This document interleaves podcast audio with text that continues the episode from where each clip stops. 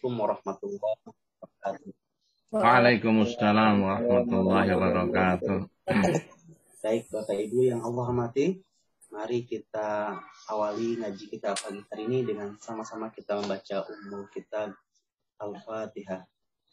أعوذ بالله من الشيطان الرجيم بسم الله الرحمن الرحيم الحمد لله رب العالمين العالمين الرحمن الرحيم.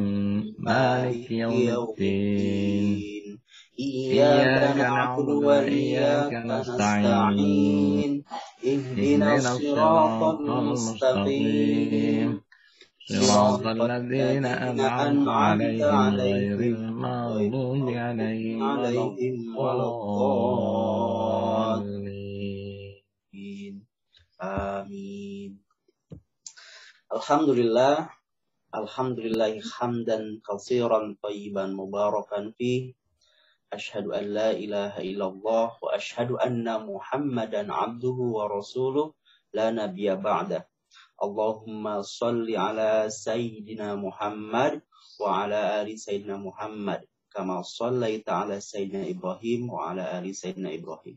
وبارك على سيدنا محمد وعلى آل سيدنا محمد كما باركت على سيدنا إبراهيم وعلى آل سيدنا إبراهيم في العالمين إنك حميد مجيد Bapak dan Ibu yang Allah rahmati, Alhamdulillah segala puji mari kita panjatkan ya senantiasa kita panjatkan kehadirat Allah Subhanahu wa taala atas semua nikmat nikmat yang Allah anugerahkan kepada kita yang utama adalah nikmat iman dan Islam ya. Nikmat kesehatan ya dan nikmat juga kesempatan kita bisa bersama-sama ngumpul. Pagi hari ini kita mengaji ya. Semoga ini bagian dari cara kita mendapatkan keberkahan dari doa dari kanjeng Nabi Muhammad SAW Allahumma barik li fi ummati fi bukuriha. Ya, ya Allah berkahilah umatku di pagi hari. Alhamdulillah pagi hari ini kita pagi-pagi ya mengawali hari dengan sama-sama membacakan Al-Qur'an ya, sama-sama saling uh, bertausiah, saling mengingatkan. Semoga sakinah, kesejahteraan, ketentraman dan tentunya rahmat turun di tengah-tengah kita semua. Amin ya robbal alamin. Tak lupa juga senantiasa kita memperba memperbanyak dan memperbaharui kualitas sholawat kita kepada Nabi kita Nabi Allah Nabi Muhammad SAW karena berkat beliaulah hidayah ini sampai kepada kita ya yang membimbing manusia dari kegelapan menuju pada cahaya iman. Maka perbanyaklah solawat kepada kanjeng Nabi. Karena dengan membaca solawat Nabi juga ini juga tersampaikan insya Allah kepada Nabi dan dibalas salawat kita. Dan kita tentunya menjadi uh, umat kanjeng Nabi yang menantikan, mengharap syafaatnya kelak di yaumil akhir. Baik Bapak Ibu yang Allah rahmati, ngaji sirah kita pagi hari ini kita melanjutkan bahasan tentang umul mukminin. Kita mengenal, kita belajar untuk mengenal ibu kita, ibunya orang-orang yang beriman. Yang pertama di antara Ummul Mukminin adalah ibu kita Khadijah. Bunda Khadijah. Khadijah binti Khuwailid. Wanita yang memiliki keutamaan, wanita penghulu ya. Uh, ibu kita maka uh, sepantasnya lah kita sebagai anaknya ya, sebagai umat Islam ya mengenal ibu kita. Baik ini akan kita bahas ya bahwa Khadijah binti Khuwailid adalah pemimpin kaum wanita seluruh alam dengan segala keutamaannya. Coba kita akan cover dari pertemuan ini tentang siapakah beliau, ya bagaimana nasabnya, bagaimana gelarnya, bagaimana perjuangannya dengan bersama Nabi, ya. juga apa saja keutamaan-keutamaan dari ibu kita ini.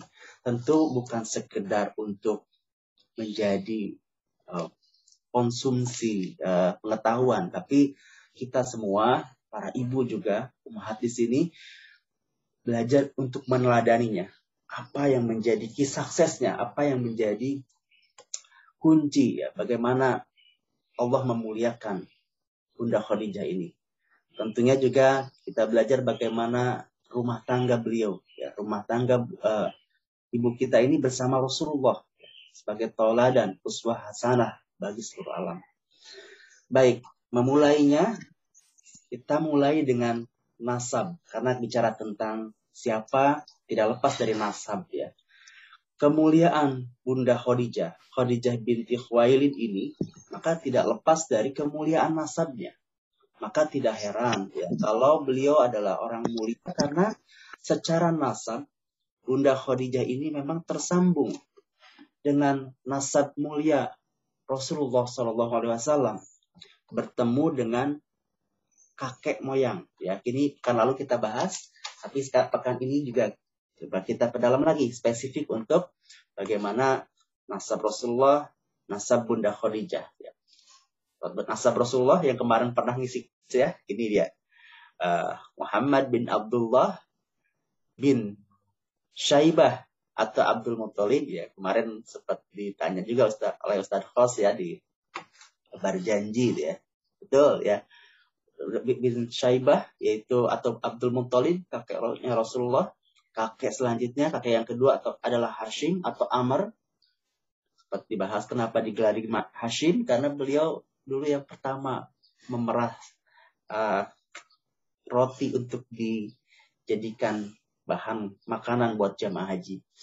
Kemudian kakek yang ketiga adalah Abdul Manaf atau digelar juga dengan Al-Mughirah dan bertemu dengan Kusoy disebut dengan orang yang jauh karena Kusoy inilah yang menyatukan bangsa Quraisy yang sempat uh, banyak uh, tinggal di luar kota Mekah. Jadi uh, bagaimana dengan Bunda Khadijah? Ya, ini ada yang sebelah kiri dan nasab ke ibu ya. Ke jalur nenek juga demikian. Tapi nasab yang kuat ke jalur ke jalur ayah. Bagaimana dengan Bunda Khadijah? Khadijah binti Khuwailid binti Asad bin, eh, bin Khadijah binti Khuwailid bin Asad bin Abdul Uzza bertemu dengan Kusoy. Dengan Rasulullah bertemu dengan di kakek yang bernama Kusoy. Mengapa sih kita penting mengawalinya dengan asab ini? Ya, ini karena kalau kita lihat kalau Khadijah itu seorang saudagar yang sukses, seorang yang mulia, memang tidak asing, tidak aneh karena beliau dari terah, ya, terah yang mulia, ya, dari uh, uh, keluarga yang yang mulia, ya, bangsawan, ya, bangsawan. Ya, Rasulullah juga dari bangsawan, itu Bani Hashim, Khadijah dari Bani Asad. Ya. Uh, biasanya disandarkan nama Bani itu pada nama itu karena kemuliaan keluarga ini. Ya. Keluarga ini jadi mulia karena apa? Karena adanya orang-orang yang besar, orang-orang yang uh, yang mulia, orang-orang yang punya kepribadian, punya posisi di masyarakat yang tinggi. Makanya keluarga atau bani di dalam struktur masyarakat di Mekah ini menjadi mulia demikian. Selain itu juga dari faktor faktor banyaknya anggota keluarga dan faktor kekayaan ya faktor perekonomian. Semakin kaya semakin terpandang gitu ya. Itu juga salah satu pertimbangan salah satu hal yang menjadi perhatian ya. Maka Khadijah sebagai saudagar sebagai seorang pedagang karena memang ini uh, Bani Asad ini memang terkenal dengan uh, kemampuannya, kemampuan perdagangannya ya. Jadi tidak asing ya bahwa kalau Khadijah menjadi saudagar sukses ya. Nah, ini penting juga kita mengenal nasab. Kalau kita kemarin sudah belajar tentang bagaimana nasabnya Rasulullah, hari ini juga kita belajar bahwa Bunda Khadijah itu punya terah, punya terah sebagai bangsawan, sebagai seorang saudagar. Ini penting buat kita Bapak Ibu semua untuk mulai belajar menyusun pohon nasab kita ya. Jadi saya misalkan ke atas itu uh, ditelusuri nih. Ini mungkin juga saya sedang berusaha untuk menyusuri ini ya. Apa sih sebenarnya siapa uh, saja nasab saya. Kenapa? Karena di dalam nasab ada hasad. Ada value, ada nilai-nilai yang dimiliki oleh terah keluarga kita. Misal ya, Bapak Ibu menyusuri, oh ternyata di jalur keluarga kita itu ada seorang ulama ya. Maka tidak mungkin di antara kita, di antara anak cucu kita juga punya punya potensi itu supaya kita juga mengenal potensi diri kita ya. Kalau ada seorang apa namanya di terah kita itu ternyata keluarga keluarga yang punya sejarah, punya terah, punya nasab. Seorang pengusaha bukan tidak mungkin ada potensi untuk artinya kita punya potensi entah di kita atau di anak cucu kita itu yang kita kenalkan ya. Anak kita dengan bin-bin kita ya. Ini ini mungkin uh, eh, PR setelah ini ya. Masing-masing kita coba menyusun lima ke atas atau bisa sampai tujuh sampai sepuluh luar biasa ya. Supaya kita bisa kenal siapa siapa kita dari mana nenek moyang kita ya. Sehingga kita juga bisa mengirimkan ya doa-doa ya untuk uh, kakek nenek kita yang yang sudah tiada. Nah, jadi Bunda Khadijah ini memang terahnya terah bangsawan dan kini dan kita akan lihat ini ada beberapa orang yang uh, saya masukkan di sini di dalam terahnya uh, Bani Asad ini.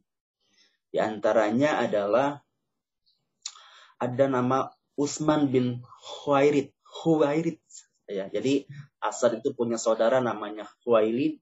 Uh, Asad itu punya anak namanya Huwailid, punya anak namanya Naufal, punya anak namanya Huwairid. Ya.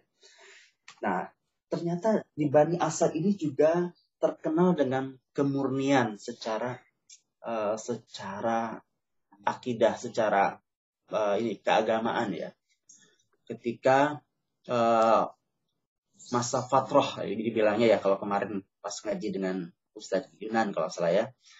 Itu ada orang-orang yang tetap mempertahankan ajaran Nabi Allah Ibrahim.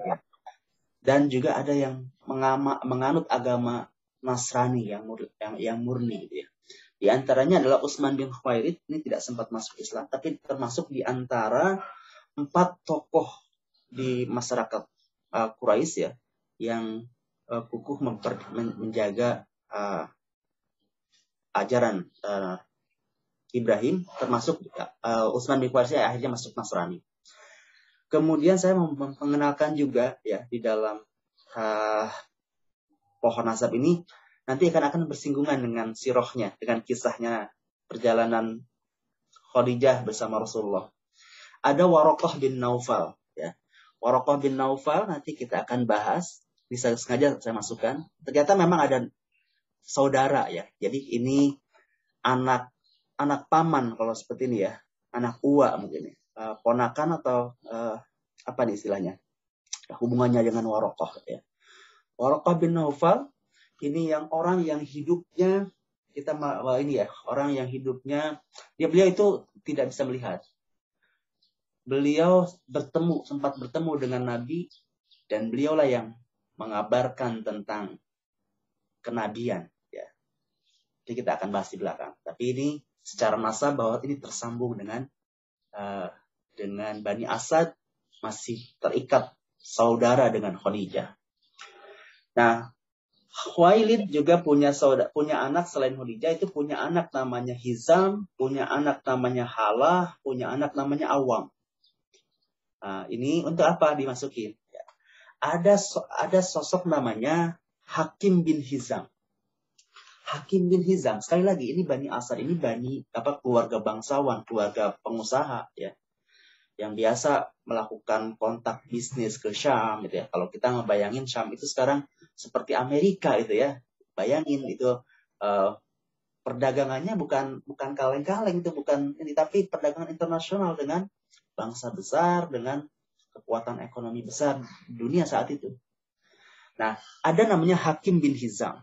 Hakim bin Hizam ini memang masuk Islamnya belakangan, ya. Tapi cintanya uh, Hakim bin Hizam ini kepada Khadijah, kepada Rasulullah luar biasa. Uh, dan beliau adalah seorang saudagar yang sukses dan dermawan. Orang yang sangat dermawan, Hakim bin Hizam ini. Dan uh, beliau waktu masuk Islam di padang Arafah atau saat-saat berhaji ya. Beliau itu membeli budak ratusan ya. Untuk apa? Untuk dimerdekakan insya Allah. Harga dulu masih ada perbudakan dan Islam menghapus perbudakan itu. Hakim bin Hizam itu membeli budak dan kemudian untuk dibebaskan. Begitupun juga sebelum sebelum beliau memeluk Islam, ter, ter apa namanya terkenal dengan kedermawan. Bahkan Hakim bin Hizam ini yang yang uh, begitu cintanya dengan bibinya ya, dengan Khadijah, dengan Rasulullah ya. Ketika Khadijah dan Rasulullah itu diboykot secara ekonomi, tinggal di tenda-tenda di sebuah perkampungan ya yang gersang, panas itu nggak ada bahan makanan. Hakim bin Hizam ini yang diam-diam berusaha untuk menyelundupkan gandum, memberikan gandum kepada Khadijah. Ya. Dan dia juga yang ngotot untuk bisa membebaskan, men, me, menyelesaikan uh, pemboikotan yang zolim selama tiga tahun terhadap Rasulullah dan Khadijah dan kaum muslimin dan dari Bani Bani uh, Abdul Muthalib ya dan dan Bani Muthalib ya. Baik, Hakim bin Hizam ini juga uh, kalau teman-teman dapat sirohnya tentang anak angkatnya Rasulullah. Ada yang ingat siapa anak angkatnya Rasulullah?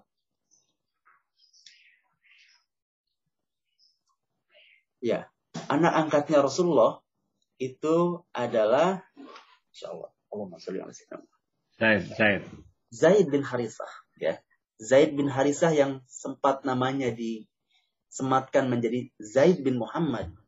Itu awal mulanya Zaid bin, Har bin Harisah ini karena dia sebenarnya adalah orang di luar Mekah yang kemudian tertawan, ya, tertawan dan dijadikan budak. Masih anak-anak ya, dijadikan budak.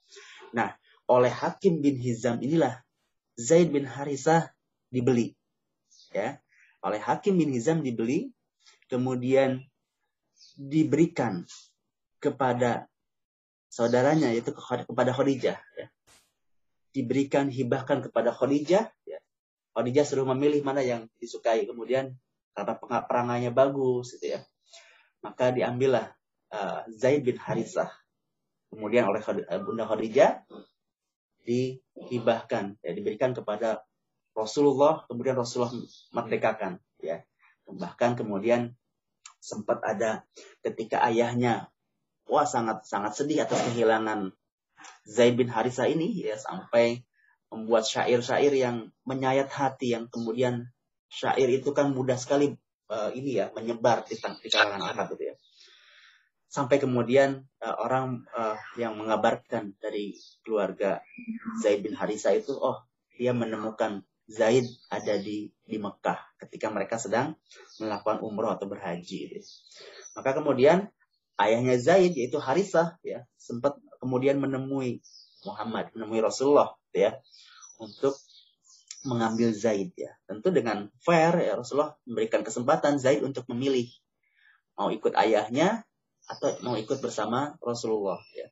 Tapi kemudian Zaid ya yang sudah merasakan bagaimana indahnya ber, eh, ber apa nama dengan Rasulullah, bagaimana merasakan kemuliaan, keluhuran akhlaknya Rasulullah ya. Akhirnya kemudian Zaid tetap memilih bersama dengan Rasulullah ya. Tetap tinggal bersama Rasulullah ya. Tentu kecewa tapi ya, sang ayah tentu kecewa, kecewa tapi tinggal bersama Rasulullah dengan Muhammad yang digelari Al-Amin ketika itu. Belum menjadi nabi. Tapi kemuliaan akhlaknya ini juga membuat hati orang tuanya lega. Setelah pilihan itu kemudian uh, Rasulullah mengumumkan kepada halayak saat ini Zaid adalah bin Rasulullah. Jadi dikenal dengan Zaid bin Muhammad. Ya. Zaid bin Muhammad, maaf. Ya. Sampai kemudian uh, agama ini, uh, syariat ini melarang anak angkat dinisbatkan kepada ayah angkatnya. Maka uh, Zaid bin Muhammad diganti dan kembali menjadi Zaid bin Harisah tapi Allah menggantinya ya. Sekali lagi ini tentang bagaimana kesabaran, bagaimana ke keutamaan ya uh, para sahabat juga demikian. Dihapusnya nama Zaid bin Muhammad, tapi Allah ganti. Nama Zaid adalah satu-satunya sahabat yang namanya disampaikan, namanya disebut di dalam Al-Quran. Karena saya lupa di ayat apa. Tapi itu ketika uh, menjelaskan tentang bagaimana uh, Zaid yang menikah, menikahi Zainab, kemudian uh, Allah langsung yang menikahkan Rasulullah dengan Zainab dan ketika Zaid sudah selesai dengan urusannya ataupun pernikahannya dengan Zainab.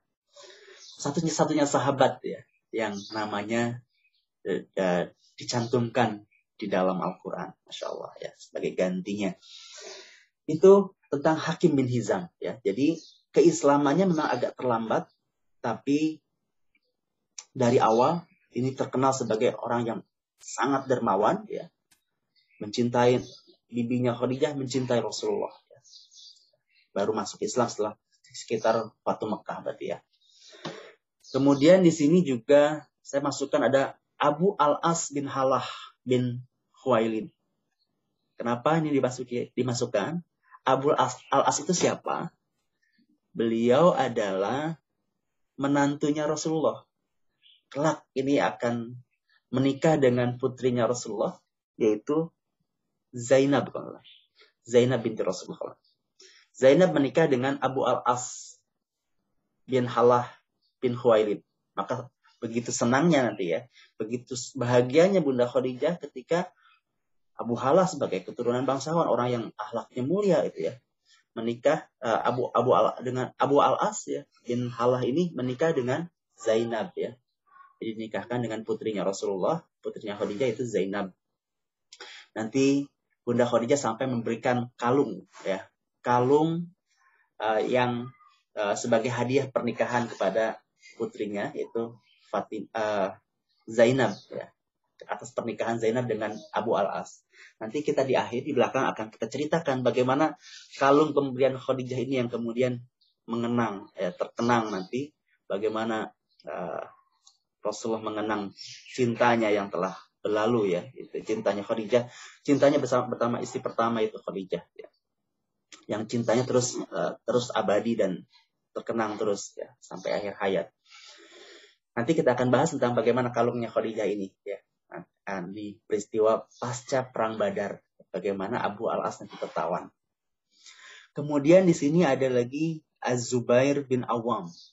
Tentu penikmat sirah ya yang mengikuti kajian sirah dan sering uh, membaca sirahnya para sahabat tentu tidak tidak asing dengan nama Zubair bin Awam bin Khuwailid. Ya, ini adalah salah satu sahabat yang dijamin surga itu ya. Dan beliau adalah pengusaha besar ya, pengusaha sukses karena sembilan dari sepuluh sahabat itu adalah para pengusaha ya, Zubair bin Awam ya. Uh, hartanya banyak ya, meskipun juga utangnya juga uh, cukup banyak gitu ya, tapi terus berputar gitu ya. Zubair bin Awam uh, adalah sahabat yang mulia, maka uh, tersambung juga nasabnya kepada Rasulullah Shallallahu Alaihi Wasallam. Baik ini ya, jadi mengenal pohon nasab. Coba saya masukkan beberapa sosok yang nanti akan bersinggungan dengan sirohnya ya, bersama dengan Bunda Khadijah ini. Uh, bagaimana dengan dengan Rasulullah tentunya ya. Bagaimana keutamaan dari Bani Asad. Bani Asad. ini akan menjadi semakin bertambah kemuliaannya ketika menikah dengan keluarga dari Bani Hashim. Ya. Jadi kalau melihat seperti ini, jadi sebenarnya ini keluarga dekat ya. Jadi sebelum menikah dengan Rasulullah ya, tentunya Khadijah juga sudah tahu ya tentang Muhammad ini dan menjadi uh, kita lihat ya menjadi orang yang uh, apa namanya dinantikan gitu ya uh, karena tentang self uh, apa namanya self brandingnya Rasulullah itu sudah sangat kuat ya. sudah sangat kuat di uh, dikenal sebagai orang yang jujur ya terus piawai gitu ya karena Rasulullah ini sudah terdidik ya uh, secara robani ya sudah terdidik bagaimana juga mental ya mental us, uh, pedagangnya juga sudah terdidik ya. Bahkan Rasulullah sudah berniaga, berbisnis itu dari semenjak usia 8 tahun ya. Jadi ketika bersama paman gitu ya, yang kita kenal Rasulullah itu sebagai penggembala kambing gitu ya. Kita tidak membayangkan kambing beberapa ekor. Ya, tapi ini juga memang awalnya hanya men, saya kemarin dapat ini ya eh, ceramah ataupun diskusi siroh dengan uh, Ustadz ya. Beliau mendapatkan kisah ini dari Syekh Maliki di uh, di Taif ya, di Masjid Ibnu Abbas ya. Menceritakan bagaimana Rasulullah itu sejak usia 8 tahun itu mengembala kambing. Awalnya kambing itu 6 gitu ya. Tapi kemudian jadi ribuan. Ya, jadi kita tidak membayangkan kambing yang jumlah sedikit tapi ribuan. Ya, ada yang uh, saya lupa dapat disebut 2000 atau berapa. Pokoknya tapi jumlahnya ribuan. Ya.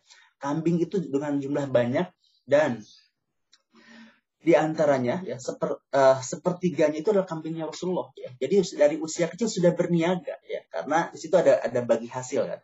Ada bagi hasil hasil hasil kambingnya itu kalau lahir uh, dua ya satu satu buat uh, yang ngelola, satu yang buat pemilik. Dan ada menarik ini juga mungkin pertanyaan mengapa Rasulullah begitu kuat secara fisik? Usia berapa? Usia berarti kan Fatu Mekah itu usia Rasulullah itu tinggal sekitar itu tahun ke-8 ya. Dua tahun lagi ya. Usia 60 tahun. Usia 60 tahun masih melakukan perjalanan dari Madinah ke Mekah. Kalau sekarang Madinah ke Mekah 5 jam 6 jam dengan Biskania ya. Itu pun kita terkantuk-kantuk kan sampai tertidur ya. Tapi ini Rasulullah perjalanan kaki ya. Begitu oh, usia 60 tahun tapi masih kuat ya. Bahkan setelah itu masih ada peristiwa Hunain ya. Perangan besar setelah Fatu Mekah ya. Bagaimana Rasulullah memiliki fisik yang kuat ya. Ini juga terbina ya secara fisik dari kecil memang. Dan apa kuncinya ya? Kemudian Rasulullah sukses ketika mengembalakan kambing. Berbeda dengan penggembala-pembala kambing yang lain, sebutkan begitu. Umumnya pengembala kambing yang lain itu mengambilkan air untuk memberi minum si kambing. Ya. Jadi jangan bayangkan kita mengembala kambing di di tempat kita di Indonesia ya, rumput banyak, air banyak gitu ya.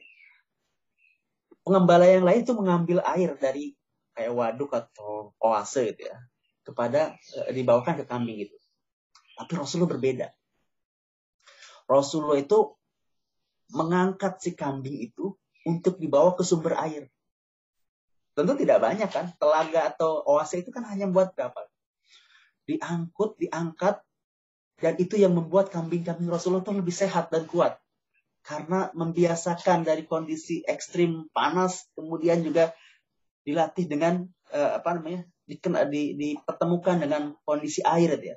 Kan air sesuatu yang ditakuti sama si kambing gitu ya. Tapi Rasulullah angkat itu, terbayang kalau seribu kambing saja Rasulullah mandikan, ya Rasulullah angkat itu. Maka secara fisik ya otot dan uh, physical ya physical uh, quotation ya atau kecerdasan fisiknya semakin kuat kan akan akan terlatih itu dari dari kecil terbina itu rahasia ya bagaimana Rasulullah bisa fit uh, sampai usia tua ya. Dan ini mungkin pelajaran buat kita ya, mengenalkan aktivitas di luar aktivitas fisik ya. Sejak kecil ya saat ini ya. untuk pelatihan ini bagian dari uh, riyadhah ya. begitu ya sampai jadi Rasulullah sudah sudah terkenal. Self brandingnya sudah terbentuk dari dari kecil ya. Dari dari dari dari usia remaja ya bahkan usia 12 tahun sudah ke luar negeri ya bersama pamannya ya. baik uh, itu tentang uh, nasab dulu ya jadi PR kita ya kalau saat ini nanti bisa Bapak Ibu merunut ya nasab melihat ke atas ya sampai uh, berapa kita bisa lihat ada apa di atas uh, nasab kita ini ya keluhuran kemuliaannya apa baik nah kita lihat nih di antara kemuliaan Khadijah ya adalah Khadijah pernah mendapatkan salam dari Allah dan malaikat Jibril masya Allah ya kita membayangkan makhluk mendapatkan salam dari sang Rob ya, dari Rob ya, pencipta. dari Allah juga malaikat Jibril sebagai the messengernya. Ya, mendapatkan salam kita mendapatkan salam aja dari dari bos oh sales directornya kasih salam tuh ya. Belum sempat datang. Belum sempat datang malah. Uh, dapat salam ya. Uh, bilang makasih atas pencapaiannya bulan ini. Oh, senang banget kan? Masya Allah ya. kita mendapatkan salam dari orang yang kita hormati itu begitu senang. Ini yang mengirimkan salam adalah Allah ya, malaikat Jibril. Dan mengabarkan tentang Khadijah akan mendapatkan rumah di surga. Masya Allah ya. dari Abu Hurairah radhiyallahu anhu ia berkata pada suatu ketika, Jibril pernah datang kepada Rasulullah Shallallahu Alaihi Wasallam sambil berkata, wahai Rasulullah, ini dia Khadijah. Ia datang kepada engkau dengan membawa wadah berisi lauk pauk atau makanan atau minuman. Apabila ia datang kepada engkau, maka sampaikanlah salam dari Allah dan dariku kepadanya. Selain itu, beritahukan pula kepadanya bahwa rumahnya di surga terbuat dari emas dan perak yang di sana tidak ada kebisingan dan kepayahan di dalamnya. Masya Allah. Ya. Ini mendapatkan salam dari sang roh. Para ulama kemudian mencari tahu ya apa rahasianya ya. Apa makna tidak ada surga yang di sana tidak ada kebisingan dan kepayahan di dalamnya. Ya. Kita sholat nanti kita kita coba telusuri tentang keutamaan keutamaan. Apalagi di antara keutamaan pelija Selanjutnya ada maaf. Baik, itu tentang bagaimana uh, salam yang disampaikan oleh malaikat Jibril kepada ibu kita Khadijah ya. Yang tentu sangat istimewa ya. Salam disampaikan oleh sang roh. Khadijah juga adalah wanita terbaik di dunia dan akhirat. Ini dari Ali radhiyallahu anhu dari Nabi Shallallahu alaihi wasallam bersabda khairun nisa khairun iha Maria Maryam ibnu Maryam ibnu Imran ya. Wanita terbaik yang pernah ada ialah Maryam putri Imran ya, ibunya Nabi Isa. Wa khairun iha Khadijah ya. Dan Khadijah ya, Khadijah binti Khuwailid. Ya. Jadi Rasulullah menyebutkan sebagai wanita terbaik yang pernah ada. Dari Ibnu Abbas radhiyallahu anhu Rasulullah sallallahu alaihi wasallam bersabda, Abdulun nisa uh, Abdulun nisa ahlul jannah ya. Wanita-wanita yang paling mulia sebagai penduduk surga adalah Khadijah binti Khuwailid, Fatimah binti Muhammad ya, putri Rasulullah, Asiyah binti Muzahim ya, itu adalah istrinya Firaun ya. Asiyah binti Muzahim dan Maryam binti Imran. Insyaallah hadis riwayat Ahmad. Baik, ini tentang kemuliaan-kemuliaan ibu kita ya, uh, ibu kita Khadijah dan kita akan lihat penggalan bagaimana salah satu momen ya, momen uh, bagaimana terjadinya atau uh, di antara kejadian dan sikap yang mulia ialah sebuah kisah yang diriwayatkan oleh Imam Bukhari dan Muslim dari Aisyah radhiyallahu anha. Beliau berkata, pertama kali yang nampak pada Rasulullah Shallallahu alaihi wasallam dari wahyu ialah memperoleh mimpi yang baik tatkala tidur. Adalah beliau ketika tidur tidaklah melihat sebuah mimpi, melainkan pada keesokan harinya pasti melihat kejadian yang sama seperti apa yang dilihatnya di dalam mimpi tersebut. Ya ini sebagai pengantar bahwa uh, wahyu pengantar wahyu ya dulu kita sempat kaji ini ya ada mukodimah mukodimah ya sebelum wahyu turun ya sebelum ikro sebelum surat al alaq itu turun ya ada mukodimah mukodimah tentang kenabian. Uh, ada yang mengisahkan tentang batu yang berbicara pada nabi. Termasuk di di antaranya adalah mimpi mimpi, uh, mimpi yang benar mimpi asodikul ya. Mimpi yang benar. Jadi ketika tidur uh, tertidur mimpi kemudian keesokan harinya menjadi kenyataan. Dan ini terjadi cukup menurut ulama sirah ya disebutkan ini terjadi cukup uh, intens sekitar enam bulan ya sebagai mukodimah kenabian ya. Mimpi yang benar ya. Uh, kurang lebih selama enam bulan ya. Enam kenabiannya sendiri 23 tahun ya. 6 per 23 tahun, 1 per 46 ya, dari kenabian. Ya. Kemudian diceritakan pada akhir hadis ini, maka beliau langsung pulang. Ini kisah eh, ini ya ketika di di gua gua gua Hiro ya. Maka beliau langsung pulang dalam keadaan ketakutan, lalu masuk ke dalam rumah menemui istrinya Khadijah binti Khuwailid sembari mengatakan kepadanya, "Selimuti aku, selimuti aku."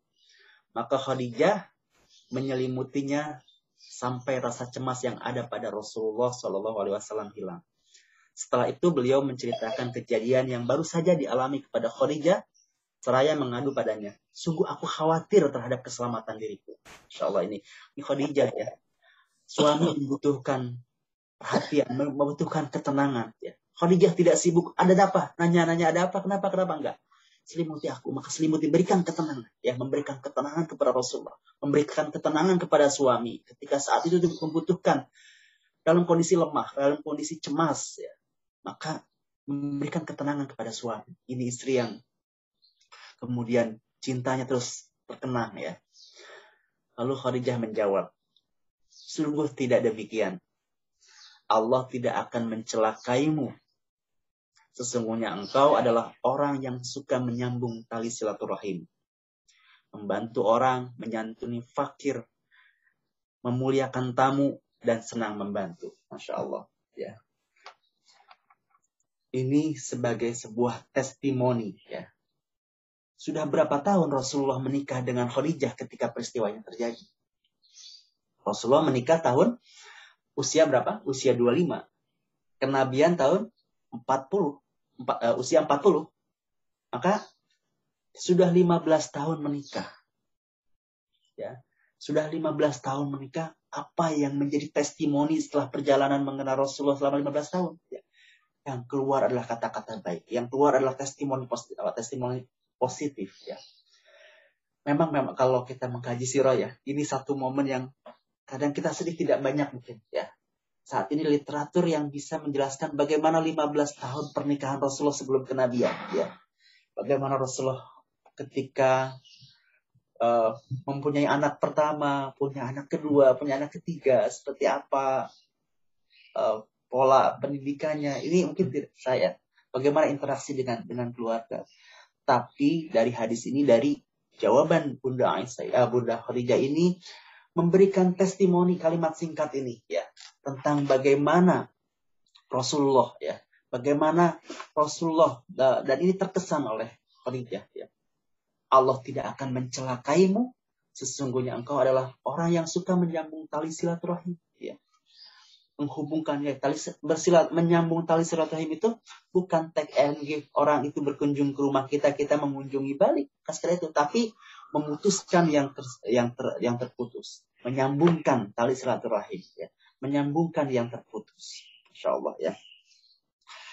Membantu orang menyantuni fakir. Dan ini butuh effort butuh butuh butuh bukan hanya kebaikan secara secara uh, kejiwaan, secara mental, tapi juga butuh komitmen untuk berjuang dengan dengan amal ya, membantu orang, menyantuni fakir, uh, memuliakan tamu ya. Bahkan ya, ini menurut uh, kisah sirah juga bahwa Rasulullah itu berniaga sampai usia menjelang 25 itu ya.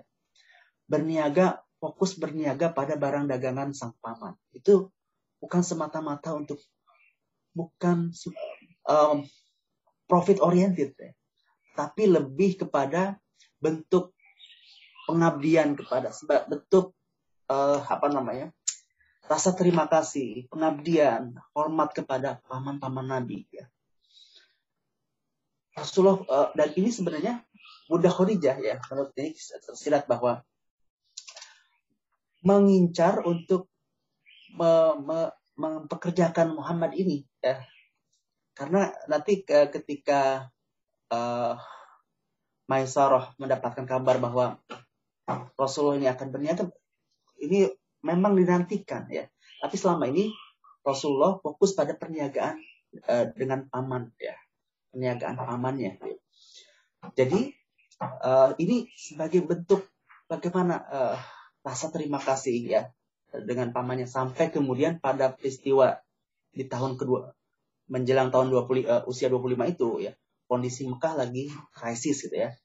Dan dari pamannya uh, merekomendasikan untuk tidak menjual barang uh, apa namanya uh, bisa melakukan ekspansi jualan barang orang dari luar keluarga dari paman-pamannya. Maka ini disambut oleh Khadijah dan bicara tentang Khadijah tadi itu sebagai pengusaha yang benar-benar pengusaha besar gitu ya. Dan Rasulullah juga ya, experience-nya itu bukan bukan buka kedai toko kayak itu, ini tapi perdagangan internasional ya. Mentalnya udah mental besar ya. Berdagangnya juga sudah antar negara. Dan setiap orang itu berusaha untuk mendapatkan kepercayaan e, menjualkan barang dagangannya Khadijah. Karena besar sekali. E, ini udah kelas kakap ya, kelas elit ya. Bahkan kalau ada kafilah dagang e, dagang Quraisy itu, dagang dari Mekah, separuhnya itu harta, harta. Butuh orang berkongsi untuk menyaingi uh, harta dagangannya Khadijah. Ya. Maka uh, ini kemudian uh, ada kesempatan itu Khadijah memang sudah karena kan tadi dari nasab dekat sebenarnya kan dan Khadijah juga sangat sudah sudah tahu ya tentang uh, Rasulullah ini ya tentang bagaimana kredibilitasnya tapi kapan dan momentumnya untuk bisa uh, bisa bekerja sama ya.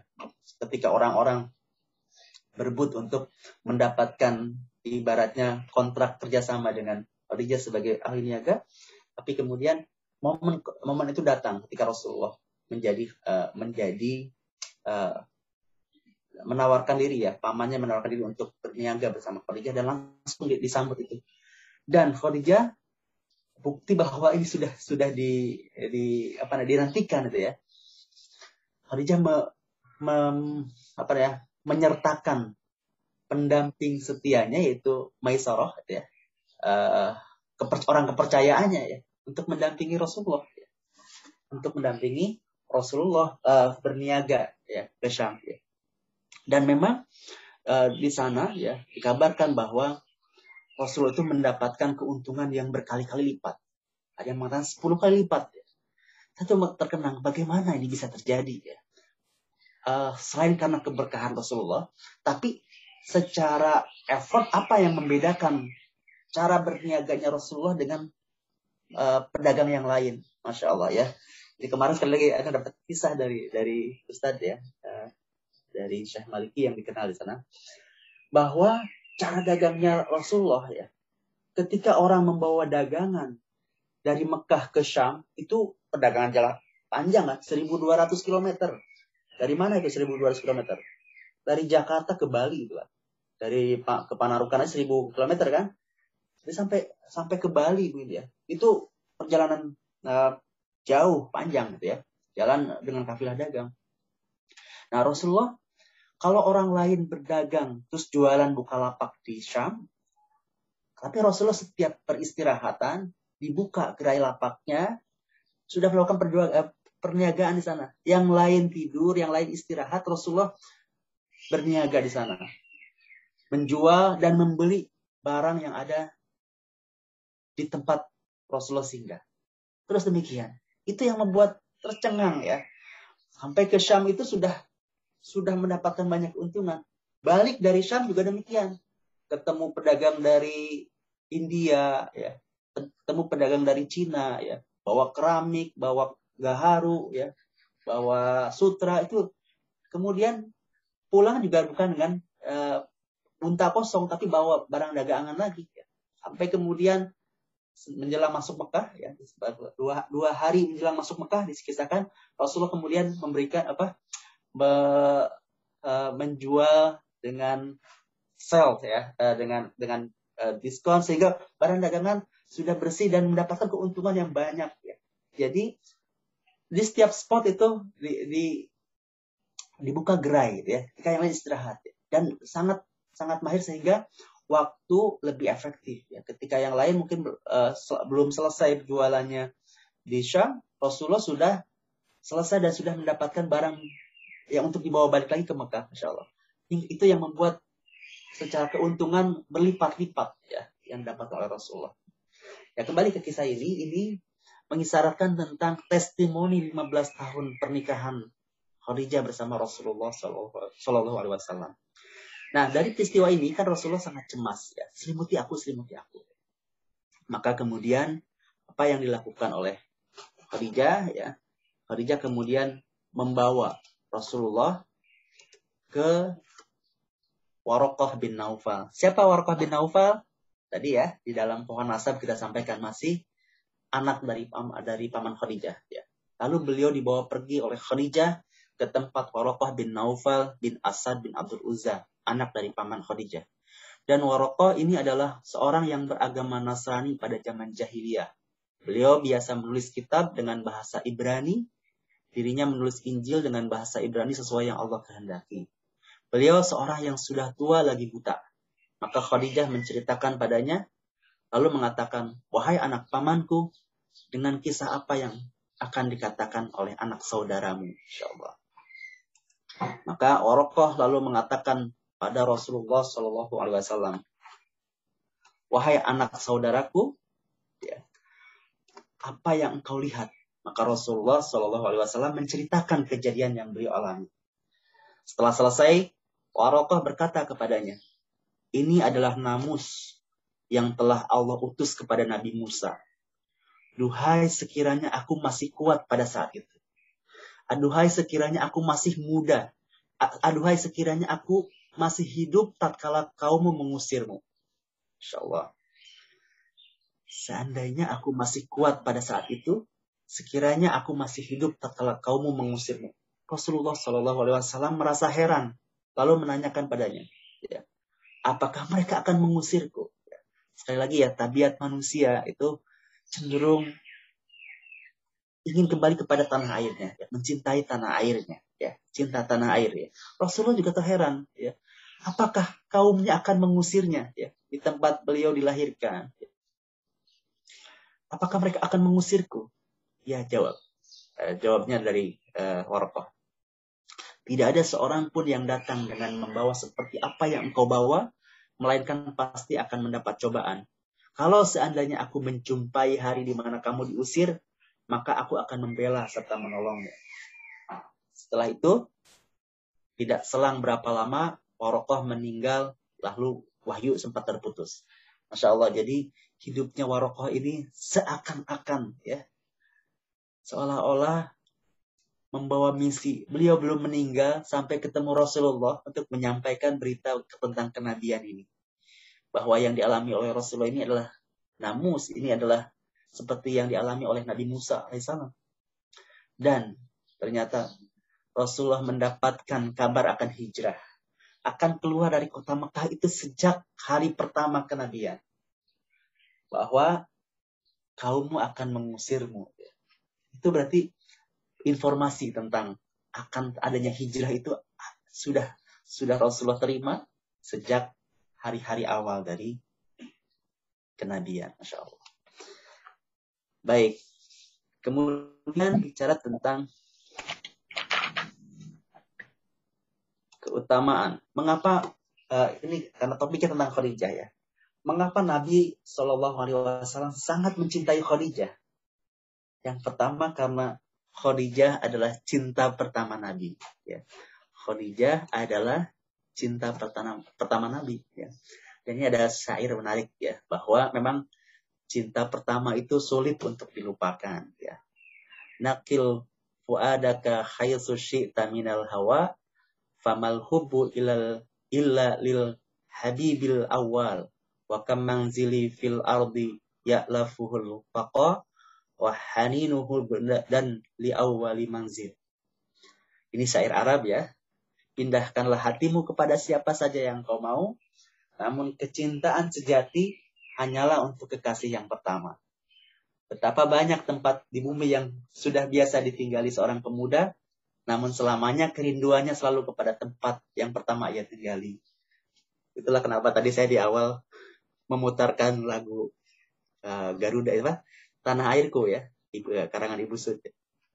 Bahwa memang cinta pertama begitu membekas ya, dan kerinduan untuk tempat uh, uh, tem, apa meskipun kita sudah bersinggah ke mana pun ya di bumi ini ya tetap uh, seorang itu ingin kembali ke tanah airnya begitupun juga hati kita ya siapa saja yang maka cinta itu hanya untuk yang uh, cinta pertama itu tidak tidak akan selalu uh, terkesan. Ini mengapa Nabi sangat mencintai Khadijah ya? Karena Khadijah adalah cinta pertamanya Nabi Shallallahu Alaihi Wasallam. Kemudian mengapa Nabi sangat mencintai Khadijah? Yang kedua adalah karena Khadijah adalah orang pertama yang beriman kepada Nabi Shallallahu Alaihi Wasallam di saat kebanyakan orang mendustakan beliau. Rasulullah Shallallahu Alaihi Wasallam bersabda, barang siapa yang melakukan suatu perbaikan perbuatan hasanah atau perbuatan baik dalam Islam, maka baginya pahala dari perbuatannya itu. Dan pahala dari orang yang melakukannya sesudahnya tanpa mengurangi pahala mereka sedikit pun. Hadis riwayat Muslim, ya. Ini tentang keutamaan ya, tentang keutamaan Khadijah. Karena beliau adalah manusia pertama, makhluk pertama, manusia pertama yang beriman kepada Nabi, ya, yang membenarkan, ya, yang membenarkan uh, risalah kenabian, ya, di saat kebanyakan orang mendustakan beliau. Dan tadi tentu sebagai orang pertama tentu punya keutamaan ya. Keutamaan karena orang ini menjadi inspirasi kan untuk menjadi inspirasi ketika yang lain mengikutinya maka dia mendapatkan keutamaan. Barang siapa yang melakukan suatu perbuatan baik dalam Islam, maka baginya pahala dari perbuatannya itu. Sebaliknya ya, jangan sampai kita menjadi melakukan maksiat zariah ya. Uh, maksudnya maksiat zariah itu melakukan keburukan, kemaksiatan yang kemudian di, diikuti ya diikuti uh, menjadi inspirasi orang lain melakukan keburukan. Ya. Makanya uh, kisah tentang putra Adam yang pertama ya itu yang menanggung juga menanggung dosa atas pembunuhan yang terjadi di muka bumi ini.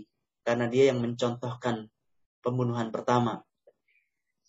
Maka kita uh, pertama uh, bersemangatlah untuk menjadi yang paling awal ya dalam hal kebaikan ya. Dalam hal memberikan uh, melakukan perbuatan hasanah ya. Dan menjadi inspirasi untuk uh, yang lainnya. Dari Abu Mas'ud Uqbah bin Amr al Ansori radhiyallahu anhu ia berkata bahwa Rasulullah Shallallahu alaihi wasallam bersabda barang siapa yang menunjuki kepada kebaikan maka dia akan mendapatkan pahala seperti pahala orang yang mengerjakannya. Insyaallah. Nah, Ibnu Hajar ya, Ibnu Hajar berkata di antara keistimewaan Khadijah adalah ia merupakan wanita pertama umat ini yang beriman. Dialah yang pertama kali mencontohkan hal ini bagi setiap orang yang beriman setelahnya. Maka bagi Khadijah seperti pahala seluruh wanita sesudahnya. Sebagaimana dalam hadis, barang siapa yang mencontohkan sunnah yang baik, maka baginya seperti pahala orang yang menjalankannya. Jadi kalau ada banyak muslimah ya di kemudian hari gitu ya. Maka kebaikan juga untuk Khadijah karena mencontohkan sebagai orang yang beriman lebih dulu. Sebagaimana ya keistimewaan yang dimiliki oleh Abu Bakar ya. Keistimewaan yang dimiliki oleh Khadijah ini juga dimiliki oleh Abu Bakar As-Siddiq ya. Berkaitan dengan pahala kaum pria yang beriman setelah Abu Bakar karena Abu Bakar adalah laki-laki dewasa pertama, laki-laki ya dari kalangan laki-laki yang pertama Uh, beriman kepada Nabi Shallallahu Alaihi Wasallam. Dan tahukah teman-teman, beberapa saat dari keimanan keislamannya Abu Bakar, Abu Bakar kemudian mengajak sahabat-sahabat seperti Utsman bin Affan ya, kemudian Tolha, Zubair juga demikian ya, kemudian Ja'far itu juga diajak oleh Abu Bakar. Maka pahalanya terus mengalir kepada Abu Bakar. Kita membayangkan Abu Bakarlah yang mengajak Ja'far bin Abi Thalib untuk memeluk Islam. Dari tangan Ja'far, dari keislaman Ja'far itu kemudian Raja, Raja Najasi di Ethiopia memeluk Islam. Berkat dakwahnya Ja'far. Dari Raja Najasi, kemudian Islam pula Amru bin As, tokoh Quraisy. Dari Amru bin As ini kemudian Mesir itu dibebaskan. Islam seluruh Mesir dari Amr bin As. Di situ ada Al-Azhar sekarang gitu ya. Sampai ulama-ulama terbentuk apa uh, ulama-ulama besar itu dari Indonesia juga sekolah di sana di Mesir ya. Sampai ke Indonesia ya Islam sampai ke kita. Maka pahalanya terus mengalir kepada siapa? Kepada Abu Bakar Siddiq.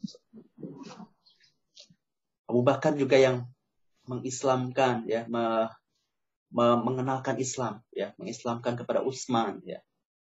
Kepada uh, siapa lagi? Ya sahabat tadi Zubair bin Awam gitu ya, dan seterusnya, pahalanya terus mengalir.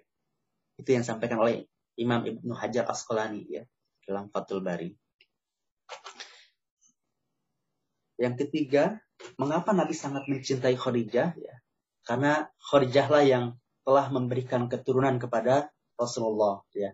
Dari Khadijah lah Allah telah menganugerahkan kepada Nabi dua orang putra yaitu Abdullah dan Qasim ya juga empat orang putri yaitu Zainab, Ruqayyah, Ummu Kulsum dan dan Fatimah ya. Uh, Rasulullah hanya dari Khadijah, satu satu lagi Ibrahim ya, putranya Rasulullah dari Maria Al-Qibtiyah ya, tujuh orang semuanya. Khadijah lah yang telah mengorbankan hartanya demi dakwah yang dilakukan suaminya. Dialah yang ikut memikul beban dakwah yang dirasakan dan dipikul oleh sang suami. Tidak seperti wanita lain, yang lain mungkin akan menghalangi yang mungkin tidak di sini ya. Uh, ketika ada wanita yang justru menghalangi suaminya untuk berdakwah. Dan harta Khadijah yang banyak itu ya itu digunakan untuk perjuangan dakwah ya. Bayangkan ini di awal-awal periode dakwah itu ya Khadijah eh, uh, yang sangat ketika itu membutuhkan banyak uh, harta atau ataupun juga nafkah ya untuk membantu orang-orang dari kalangan yang miskin ya. Sampai tiga tahun terakhir itu Khadijah habis hartanya ya. Bahkan Khadijah bersama Rasulullah itu harus tinggal di tenda-tenda karena harus karena di di sabotase kan di boykot ya. Tinggal di Syi'ib uh, Abu Thalib di sana. Karena di boykot selama tiga tahun oleh orang-orang Quraisy. Harta Khadijah habis gitu ya. Tapi tidak ada keluh kesah sedikit pun. Tidak ada penyesalan ya telah mengorbankan hartanya demi dakwah yang dilakukan oleh suaminya. Khadijah adalah seorang istri yang ketika sang suami menghadapi kesulitan dan kegelisahan, maka ia pun bersegera menenangkan hatinya. Ya. Dan tadi ya, uh, bagaimana testimoni ya, ketika sedang beratnya Rasulullah ya. dan Rasulullah beratnya dakwah Rasulullah di luar itu ya, kesulitan menghadapi dinamika masyarakat ya, kemudian menjadi tenang ketika kembali ke rumah ya, ada istri Khadijah. Yang kelima, ya, nah, Khadijah adalah istri yang ketika sang suami menghadapi kesulitan dan kegelisahan, maka ia pun bersegera menenangkan hatinya. Ya. Tatkala Nabi, eh, eh, pertama kali menerima wahyu tadi disampaikan oleh malaikat Jibril dengan bentuk yang sangat dahsyat, ya, Nabi ketakutan dan segera turun dari gua Hiro menuju rumah Khadijah. Harus berkata, aku mengkhawatirkan diriku, maka Khadijah menenangkan hati Rasulullah. Ya. Dengan perkataan yang indah ya yang terabadikan. Mungkin ini juga dicatat ya di banyak-banyak buku ya. Sekali-kali tidak ya, yang tadi kita sampaikan. Bergembira bergembiralah demi Allah sesungguhnya Allah selamanya tidak akan pernah menghinakan. Demi Allah sungguh engkau telah menyambung tali silaturahim. Jujur dalam berkata membantu orang yang tidak bisa mandiri atau yang orang fakir engkau menolong orang miskin memuliakan menjamu tamu dan menolong orang-orang yang terkena musibah ya Khadijah selalu menguatkan dakwah suaminya, ya, tidak pernah melemahkan sedikit pun, bahkan selalu mendorong Rasulullah untuk berdakwah. Ya. Baik, oleh karena itu, ya para ulama menyebutkan ya di antara perkara yang menakjubkan Khadijah radhiyallahu taala anha tidak merasakan kelezatan hidup saat Islam jaya, masya Allah ya. Kalau saat ini kita bisa menikmati ya uh, harta, kemewahan, ya kemudahan ya, kemudahan dalam berislam ya. Khadijah meninggal sebelum Rasulullah memperoleh kemenangan demi kemenangan. Khadijah meninggal sebelum Islam jaya. Khadijah meninggal tiga tahun sebelum Rasulullah berhijrah. Masa-masa di mana Islam ditekan, ya, para sahabat dibunuh dan diintimidasi oleh orang-orang kafir Quraisy. Ya. Khadijah ya, ditinggalkan oleh teman-temannya, ya, orang-orang uh, sama bangsawan yang tidak ikut bersama Rasulullah ya. Wanita-wanita Quraisy tidak ingin berteman dengan Khadijah karena dia mengikuti suaminya. ini bukanlah perkara yang ringan ya bagi wanita ya. Maka menurut para ulama, Allah menyimpan seluruh pahala Khadijah. Tidak diberikan di dunia, tetapi diberikannya seluruhnya di akhirat. Baik, ini masih panjang ya Bapak Ibu ya. Mungkin uh, kita cukupkan dulu ya. Yang terakhir ya, Khadijah adalah seorang istri yang sangat taat kepada suami ya. Ia tidak pernah melelahkan suaminya apalagi sampai membuat suaranya mengangkat suaranya suara suami mengangkat. Begitupun juga suara Khadijah pernah terdengar uh, mengangkat suaranya di hadapan suaminya. Ia adalah wanita yang sabar meskipun letih dalam mendidik anak-anaknya. Makanya tadi disebut, disebutkan di awal, dia mendapatkan surga yang tidak ada kebisingan, tidak ada kelelahan di sana sebagai tempat istirahat. Abu Hurairah berkata, Jibril mendatangi Nabi lalu berkata, Khadijah telah datang membawa tempayan atau mangkok berisi kuah, daging atau makanan atau minuman. Jika tiba sampainya, sampaikanlah kepadanya salam dari rombnya dari dan dariku. Serta kabarkanlah kepadanya dengan sebuah rumah di surga dari mutiara yang tidak ada suara keras hiruk pikuk di dalamnya dan juga tidak ada keletihan. Bayangkan ini bapak ibu-ibu sekalian ya, tidak pernah mengangkat suara bahkan kepada putra putrinya. Ya. Ini menunjukkan tentang sekali lagi eh, balasan sesuai dengan amal yang dikerjakan ya. Sungguh tinggi dan mulia kedudukan Khadijah sampai-sampai Allah mengirim salam kepadanya. Ya, apabila kita saat ini bahagia, maka bagaimanalah bahagianya ketika mendapatkan salam dari sang Rob ya. Maka dari Anas bin Malik bahwasanya Rasulullah berkata kepada Ubay bin Ka'ab ya, ini sahabat ya. Sesungguhnya Allah memerintahkan kepadaku untuk membaca Al-Qur'an kepadamu. Maka Ubay bin Ka'ab berkata, Allah sebut namaku kepada engkau. Ya, Ubay bin Ka'ab menangis. Ya, ini kisah lain dari sahabat yang mendapatkan yang namanya disebut sang Rob ya. Allah memerintahkan kepadaku untuk membacakan Al-Quran kepadamu. Baik, uh, sebagian ulama menyebutkan kenapa istana Khadijah di dalamnya tidak ada kegaduhan dan hiruk pikuk. Hal ini karena Khadijah selama 25 tahun Khadijah bersama Nabi ya jadi umur Nabi dari umur 25 jadi Nabi 40 berarti 15 tahun dan beliau wafat setelah 10 tahun kenabian 4, 25 eh, tahun berarti ya hidup bersama Nabi tidak pernah uh, teriak kepada Nabi dan kepada anak-anaknya sehingga pantaslah Allah membalas dengan surga yang tenang ya. Khadijah juga tidak pernah mengeluhkan keletihan karena telah berletih-letih membelanjakan hartanya seluruhnya untuk dakwah Nabi dan mengurus anak-anaknya. Sungguhnya ganjaran sesuai dengan perbuatan. As-Suhail berkata ketika Khadijah diseru oleh suaminya untuk masuk Islam, maka serta-merta beliau taat dan tidak menolak sehingga tidak perlu dijadikan eh, sehingga tidak perlu menjadikan suaminya mengangkat suaranya dan tidak perlu berletih-letih ya. Bahkan Khadijah telah menghilangkan seluruh keletihan dari suaminya menghilangkan rasa kesendirian uh, Rasulullah, bahkan meringankan seluruh kesulitan suaminya. Maka tepat sekali jika rumahnya di surga yang telah diberi kamar diberi kabar gembira oleh Allah memiliki sifat-sifat yang sesuai ya. Tidak ada keletihan tempat istirahat. Baik Khadijah dijanjikan sebuah rumah di surga, yaitu istana di surga, karena Khadijah adalah yang pertama kali membangun rumah Islam. Tatkala itu tidak ada satu rumah Islam pun di atas muka bumi. Baik, sebagian ulama menyatakan bahwa Khadijah diberi balasan dengan istana di surga yang tidak ada rasa letih sama sekali karena beliau telah letih dalam mendidik anak-anak beliau. Sehingga sangat sesuai jika dibalas dengan surga yang penuh dengan istirahat tanpa kelelahan sedikit pun. Baik, Bapak Ibu, nih uh, sampai di sini dulu untuk pembahasan kita sih cukup panjang uh, uh, tentang Khadijah ini. Ya. Tapi sekali lagi uh, pertemuan kita pagi hari ini ya mengenal, sedikit mengenal tentang ibu kita ya. Semoga ini menjadi saksi kita nanti di akhirat ya. Ketika kita bisa mengetuk pintu rumahnya Khadijah dan mengatakan ibu ya. Kami dulu pernah sedikit mengenal tentang engkau. Maka kita pun diakui sebagai anaknya Khadijah kelak di surganya. Amin ya Allah. Ya amin. Baik, demikian yang bisa saya sampaikan. Ya, mohon maaf kurang lebihnya kalau ada kesalahan dalam penyampaian.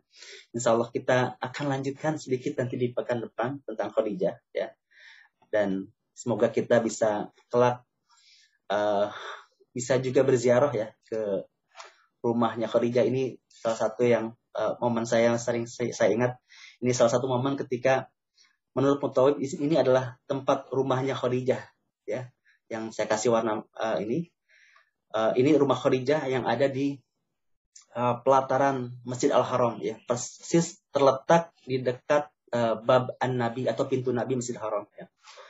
Uh, ini kalau ini toilet wanita ya. Nah ini ada rumah Nabi ya rumah rumah Khadijah dan uh, cirinya ini ada ada ini uh, ini uh, di dekat istana ini ya istana raja. Ini cirinya kalau sekarang ada uh, ubin yang beda sendiri warnanya ini agak sedikit tinggi dan sendiri. Ini uh, menurut ini wallahu ini adalah rumahnya Khadijah. Dahulu rumah di rumah inilah Rasulullah hidup berumah tangga bersama Khadijah selama 25 tahun ya. Semua putra-putri beliau juga lahir di tempat ini ya. Qasim, Abdullah, Ummu Kulsum, Uqayyah, Zainab dan putri bungsu beliau yaitu Fatimah. Di rumah ini pula Siti Khadijah wafat. Ya. Rasulullah tinggal di rumah ini sampai mendapat perintah dari Allah untuk berhijrah di Madinah. Rumah ini uh, pernah uh, dijual kepada Muawiyah bin Abi Sufyan yang pada saat itu menjabat sebagai khalifah hingga pada akhirnya rumah tersebut diubah menjadi masjid oleh Muawiyah. Baru tahun 1373 rumah Khadijah dijadikan sekolah uh, putri Al-Quran oleh Syekh Abbas Al-Qatan. Setelah uh, disetujui oleh pemerintah, uh, tempat itu kemudian menjadi wakaf yang tidak bisa diperjualbelikan, disewakan, ya tidak bisa di, berpindah tangan. Kemudian diambil alih oleh pemerintahan dan dibongkar untuk perluasan Masjidil Haram. Saat ini ada di dekat Babun Nabi ya, pintu Nabi di sini. Baik, semoga kita Allah uh, berikan kesempatan kembali untuk uh, berumroh, berhaji, ya, dan juga bisa mengunjungi ke Eh, tempat-tempat uh, yang uh, sirah uh, Nabi ya juga tentunya yang utama kita bisa beribadah di Masjidil Haram ya berhaji dan berumrah di sana amin ya rabbal demikian yang bisa saya sampaikan kurang lebihnya mohon maaf ya semoga kita bisa terus uh, belajar ya terus membersamai dan mendapatkan ibroh dari kisah-kisah Rasulullah dan para sahabat ini Demikian, mohon izin untuk teman-teman yang menyimak di Facebook. Hmm. Untuk teman-teman yang di line telepon eh, di line ini, silakan kalau ada komentar, tambahan, pertanyaan untuk diskusi, monggo saya persilahkan.